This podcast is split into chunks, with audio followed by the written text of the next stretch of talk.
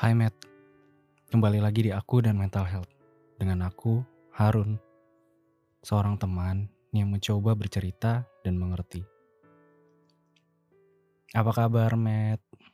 Hai, gimana saat ini? Apa yang kalian rasain? Senang? Sedih? Marah? Atau hambar? Karena mungkin kalian habis dikecewain. Kalau iya, terkadang setelah dikecewain, rasa yang kita alamin itu sebenarnya mungkin udah level yang di atas kecewa ya, yaitu hambar. Kalian pernah gak sih, Matt? Saking kayak udah sering dikecewainnya, terus ya kita tetap punya hati gitu. Kita tetap butuh sesuatu yang menyenangkan.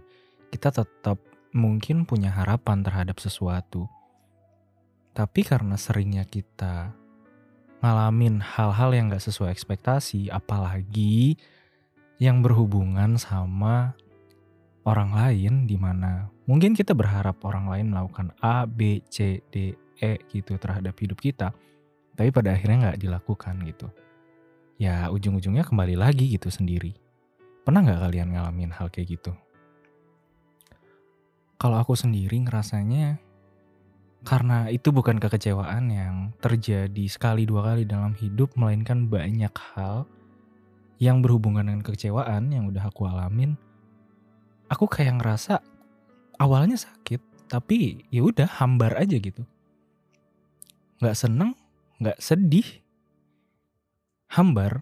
Iya, kalau ada masakan, terus kita cobain, dan rasanya hambar, gimana ya? Dibilang enak juga enggak, dibilang mau bikin kita makan terus juga mungkin enggak juga gitu. Ya udah hambar gitu. Mungkin kita bisa menerima masakan itu masuk ke mulut kita, tapi itu nggak jadi sesuatu atau nggak jadi makanan yang bisa kita nikmatin. Dan di sisi lain itu juga bukan sesuatu yang lagi terasa menyakitkan gitu karena saking kita udah seperti mati rasa gitu. Padahal bukan kitanya yang mati rasa. Tapi banyaknya hantaman dari luar terhadap hidup kita yang bikin kita jadi pada akhirnya terbiasa lah. Itu tuh ibarat kayak mungkin kalau kamu-kamu met yang cewek itu mungkin gak terlalu ngalamin ini. Tapi pernah gak sih kalian main waktu kecil di lapangan atau di mana yang mungkin uh, apa namanya di aspal ataupun di atas lapangan gitu terus kalian gak pakai alas kaki mungkin pas awal-awal kayak kaki tuh kayak sakit perih gitu tapi setelah kita sering main tanpa alas kaki di uh, tempat tersebut kaki kita tuh jadi kerasa kebal gitu udah nggak ngalamin lagi yang namanya sakit atau perih kayak pas pertama kali kita ngalamin itu. Menurutku kayaknya kekecewaan juga gitu deh. Di mana ketika aku udah ngerasa bergantung sama orang lain, dan bergantungnya ini bukan lagi bergantung yang apa ya? Bukan bergantung yang kayak aku mengharapkan seseorang melakukan sesuatu yang bukan tugas mereka. Enggak. Aku selalu berharap selalu memiliki harapan pada orang lain, padahal yang harus mereka lakukan atau mereka janjikan gitu. Terlebih di mana itu mah udah jadi kewajiban mereka, terus di saat mereka menjanjikan itu, mereka nyebutin kayak waktu dan tempat secara spesifik.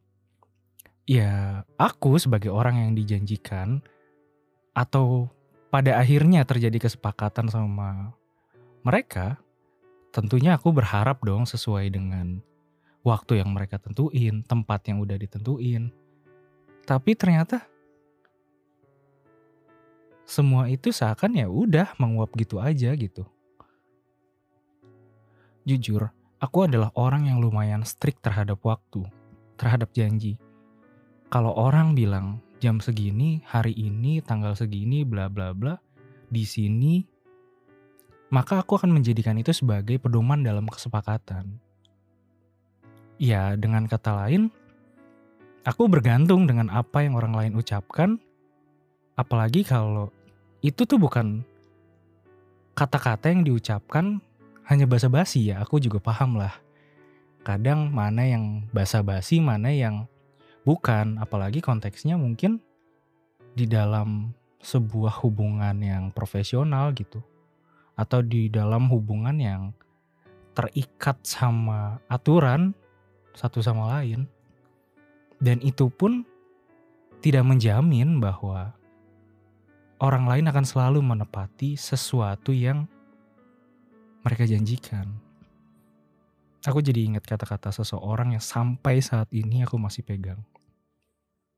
Jadi dulu aku pernah ngelakuin kesalahan di mana aku berjanji tapi pokoknya aku ngelakuin sesuatu yang sama seperti orang-orang yang bikin aku kecewa ini gitu. Dulu. Dan orang yang aku janjikan dulu bilang gini, Jangan pernah menjanjikan sesuatu yang tidak kamu usahakan. Aku tuh langsung jelek gitu, Matt. Ya ampun. Ternyata bagaimana bisa aku dengan mudahnya berjanji tetapi aku tidak mengusahakan gitu. Aku ngobrolin ini karena aku sadar dijanjiin itu membuat kita bergantung.